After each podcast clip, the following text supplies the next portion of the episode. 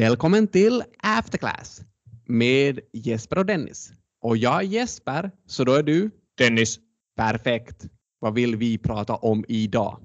Nu jag kan ju berätta om den där onsdagen då jag satt och väntade på att Nasdaq New York skulle öppna. För det var ju så att det här Coinbase, den här kryptovalutabörsen, skulle direktlistas. Och man hade sagt det ska vara en digital nedräkning på 21 sekunder förrän handeln går igång. De här 21 sekunderna skulle alltså symbolisera de här maximala 21 miljoner bitcoins som kan bli minade. Så jag satt där och väntade 21 sekunder, men inget hände. Och besvikelsen var total. Jag förstår inte, menar de 21 miljoner sekunder som det skulle ta? Det kändes i alla fall så lång tid förrän det här första avslutet kom. Någon gång där på eftermiddagen. Det här var ju en direktlistning som vi pratade om förra veckan, så det kom inga nya aktier ut på börsen, utan det var bara de gamla aktierna som började handlas på börsen. Och det är faktiskt så här med direktlistningar att det tar ofta en ganska lång tid före marknaden kan sätta ett pris. Det verkar helt enkelt som att det är så många olika köp och säljordrar så man hittar inte det här rätta priset. Det verkar inte som man ens har kommit överens om när den började handlas. Jag ser att Reuters påstår att Coinbase började handlas fyra minuter efter klockan ett. Men andra nyhetssajter säger att handeln kom igång först 28 minuter efter klockan ett, amerikansk tid. Då. Så inte riktigt 21 miljoner sekunder, men en viss tid tog det alltså. Tickern blev coin. Referenspriset från början var 250 dollar. Och vad blev det här första avslutet på då? 380 dollar. Och sen så gick det uppåt lite där till att börja med, så vi var väl uppe på en 430 dollar per aktie, vilket skulle innebära att vi hade en värdering på hela Coinbase på över 100 miljarder. Och vad hände sen? Sen började väl en långsam resa neråt. Coinbase slutliga aktiepris vid stängning var 328 dollar. Och det var efter första dagen, så vi får se vad som händer därefter. Klart är väl hur som helst att den här vdn Brian Armstrong kan känna sig rätt nöjd i alla fall. Coinbase anställda kan också vara rätt nöjda, för de fick faktiskt före den här börslistningen 100 Coinbase-aktier var. Så det slutliga värdet på den här gåvan blev ju en 32 800 dollar. Det var väl också bara fritt fram att sälja på toppen, både för anställda och för Brian. Jag vet inte den här Brian, har han någon koppling till Neil Armstrong tror du? Eh, Det vet jag inte. Nå, hur som helst var det väl i alla fall en small step for man, but a giant leap for crypto. Ja, så kanske man kan uttrycka det. Värderingen för hela bolaget. Vi pratade ju förra veckan om att det kunde bli över 100 miljarder. Under gårdagen var det över 100 miljarder, men den här slutvärderingen vid stängning blev 86 miljarder då för den här stängningskursen på 328 dollar. Vilket inte är fy, fy skam det heller. Vi pratade lite om de här goda marginalerna i verksamheten. Vi kom fram till någonting 44 procent. Vad är det som brukar hända om det är goda marginaler i något företag eller i någon bransch? Det här klassiska tankesättet är väl att andra aktörer också ser de här stora marginalerna och de i princip börjar med liknande verksamheter som pressar ner de här marginalerna. Jag tycker vi har sett lite det här i Norden också, att det börjar finnas väldigt många små kryptobörser. Vi har ju pratat om någon tidigare, CoinMotion, som kan handlas via Privanet och kanske också har någon slags börslistning på kommande. Sen hittade jag ett Åbo-företag, Nord Crypto, som också är någon typ av kryptobörs, enligt sig själv åtminstone. Svenska företag, så finns det till exempel Safelo och Sa du fel nu? ja, Fortsätt på din lista bara. och till exempel PTCX. Poängen är bara att det känns som det är väldigt många som startar en kryptobörs just nu. Så jag funderar lite kring att kommer det här att pressa ner Coinbase marginaler? Så kunde man ju tänka. Men det verkar faktiskt inte så. Grejen med de här små kryptobörserna är att det är en fråga huruvida det här egentligen är en kryptobörs. För på en börs så tänker man ju säga att i princip köpare och säljare kommer tillsammans. Köpare och säljare av varandra och det uppstår någon typ av marknadspris. Så du säger att på CoinMotion eller North Crypto, det är inte så. Nej, jag tror inte det fungerar riktigt på det sättet. Utan jag tror att det istället fungerar på så sätt att om jag skulle köpa bitcoin via CoinMotion så sätter jag in min order på bitcoin men det är inte på själva CoinMotion som den här handeln sker utan CoinMotion köper eller säljer bitcoin på någon av de här stora kryptobörserna. Så CoinMotion tar min bitcoin-order och handlar sen till exempel den summa bitcoin som jag vill köpa på endera då Coinbase eller då kanske Kraken.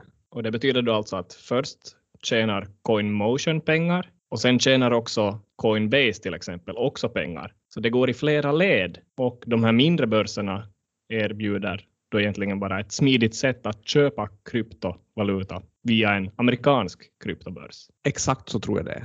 Så det skulle alltså betyda att det här hotet mot marginalerna är inte exakt så stort som man kanske initialt tänker, men sen det finns andra Coinbase-alternativ också och marknaden utvecklas. Så framtiden är oviss. Klart är också att det behövs många aktörer om man tror på någon typ av situation där man får en ny värld där kryptovalutor är i centrum. Ja, alltså hur, hur långt ska vi gå nu då? Hur mycket kommer bitcoin till exempel att bli värt? Ja, är det inte så att en bitcoin alltid kommer att vara lika med en bitcoin? Ja, just ja. Så det är först då vi börjar tänka i termer av att en BTC är lika med en BTC och inte USD eller EUR. Det är först då målet är uppnått. Jo, och en sån värld tänker man ju sig att vi alla också får betalt i bitcoin. Det var ju nyligen MicroStrategy som gick ut med att alla deras styrelsemedlemmar som inte jobbar som anställda i företaget kommer att få deras, styr, deras styrelsearvoden i just bitcoin. Okej, okay, så de får då till exempel en bitcoin? Det var så jag tänkte det först också. Men det var inte riktigt så fallet var, utan de har fortfarande samma arvode i amerikanska dollar, men när det ska betalas så växlas de här amerikanska dollarna till bitcoin och den här bitcoin-summan förs över till deras kryptoplånbok. Så inte heller inom MicroStrategy, fast de har köpt väldigt mycket bitcoin och investerat väldigt mycket bitcoin, ser man en bitcoin som värdet av en bitcoin. Vi har alltså en ganska lång väg att vandra. Lite roligt var också, vi pratade om CoinMotion här tidigare. Jag såg på en av deras arbetsplatsannonser att där får man välja om man vill ha betalt i kryptovalutor eller i euro.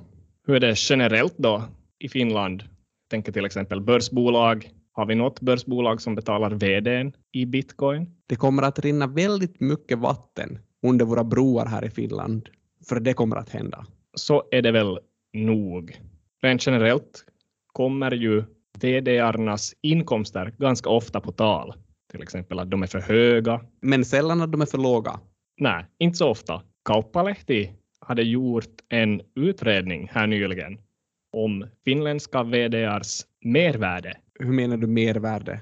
Alltså hur mycket mervärde de har åstadkommit per förvärvsinkomst euro. Så man har alltså tagit företagets vinst, tagit bort ett så kallat avkastningskrav. Och i det här fallet var det här avkastningskravet 8 procent av investerat kapital. Så det är lite vad ägarna förväntar sig tillbaka. Vinsten minus det. Och sen dividera med storleken på förvärvsinkomsterna. Då får man veta hur mycket mervärde per inkomst euro den här vdn genererat. Det verkar som ett ganska vettigt mått. Lite tänker man kring det här avkastningskravet. Ska alla bolag verkligen ha ett avkastningskrav på 8 procent? Ofta lär vi oss här att man ska ha ett avkastningskrav som avspeglar företagets risk. Så om du är ett mer riskfyllt företag borde du ha ett högre avkastningskrav. Men om du har lägre risk borde du också ha ett lägre avkastningskrav. Så kunde vi förbättra den här studien genom att också ta det i beaktan. Så att exempelvis kanske Stockman har ett annat avkastningskrav än säg Sampo eller Neste. Skulle det vara vettigt?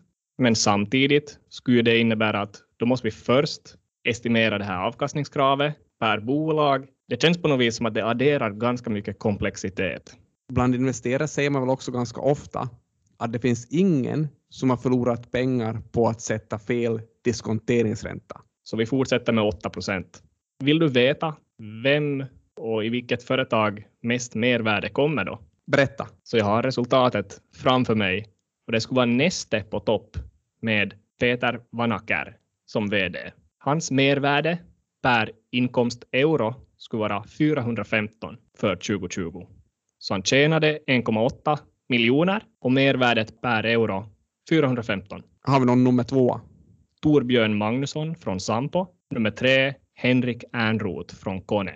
Alla de har över 100 i mervärde. När vi har VDar som skapar mer mervärde än 100 euro per euro de kostar så handlar ju det här om väldigt mycket mervärde. Om vi tar Peters fall så han hade 1,8 miljoner i lön och 415 euro i mervärde skapade han per euro i lön. Så det här blir ju över 700 miljoner i totalt mervärde. Bara en person. Och man kan ju fundera om det här kan vara rättvist. Kan vi påstå att han skapade allt det här mervärdet? Men kanske vi tar och tittar på andra sidan. Hur mycket minus mervär mervärde kan en enda person skapa enligt den här modellen? På botten har vi Topi Manner från Finnair. Så det kanske inte har varit det bästa jämförelseåret 2020, men hur som helst, han fick 1,1 miljoner totalt och det skulle resultera i ett negativt mervärde på 648 euro. En riktig värdeförstörare. Man funderar om det här är riktigt rättvi rättvist mot den gode Topi. Att det kan ju inte vara hans fel att Finner har gått så dåligt som det har gått under just 2020. Inte bara hans fel. Nej, du har kanske rätt. På botten av den här listan, vi hittar också andra namn såsom Viking Lines VD, Stockmans VD. Gemensam nämnare för de här bolagen är väl kanske att corona eller affärsmodellen har resulterat i negativa resultat. Och avkastningskravet är oftast positivt, eller hur? jo. Det här är någonting man också vet om inom forskningen, att det är väldigt svårt att estimera mervärdet av en VD. Inte bara mervärdet givet varje euro han får, utan mervärdet av en VD. Så det man har försökt sig på inom forskningen är att man har tittat på aktieprisreaktionerna till plötsliga VD-dödsfall. Och när man tittar på den här prisförändringen så får man då alltså se vad var den här VDn värd för företaget. Vad ger en sån studie för resultat då? Lite generella resultat är att yngre VDar och VDar som har varit en kortare tid på företaget tenderar att vara värda mera. Medan om man har en äldre VD eller en VD som har varit väldigt lång tid i samma företag så verkar aktiemarknaden inte värdera en sån VD speciellt högt. Problematiskt förstås att implementera en sån metod eftersom inte så många plötsligt går bort av den här VD-populationen. Så kanske den här Kauppalehtis utredning är någonting att hänga i julgranen trots allt. Det lyfter ju också fram det där att okej, okay, jag pratar om 1,8 miljoner i förvärvsinkomster, men det är ju inte lön-lön som allt det där är, utan det är oftast uppdelat i aktiekompensation, optioner och så vidare och lön. Hur stora är de här olika delarna? Alltså vi kan ta den personen som tjänade mest enligt de här listorna 2020. Så det var vdn för QT Group, Juha Varelius. Känner du till honom? Inte så bra faktiskt. Bolaget? Lite. Är det lite IT? Ja, det är väl väldigt mycket IT. Nästan bara IT kanske. Nå, hur som helst, han tjänade enligt listan runda slängar 7 miljoner 2020. Så av den summan kom 320 000 från så kallad lönlön, penninglön och resten från aktiebaserad kompensation. Och grejen är väl där att aktiepriset för det här QT Group har utvecklats mycket gynnsamt under 2020. De började på cirka 20 euro och avslutade på cirka 60 euro. Det här är ju också intressant information eftersom att det verkar ju som om VDns verkliga lön i det här fallet inte är så fruktansvärt hög, utan att de här höga förvärvsinkomsterna till stor del kommer just från de här aktieoptionsprogrammen eller aktiekompensationsprogrammen.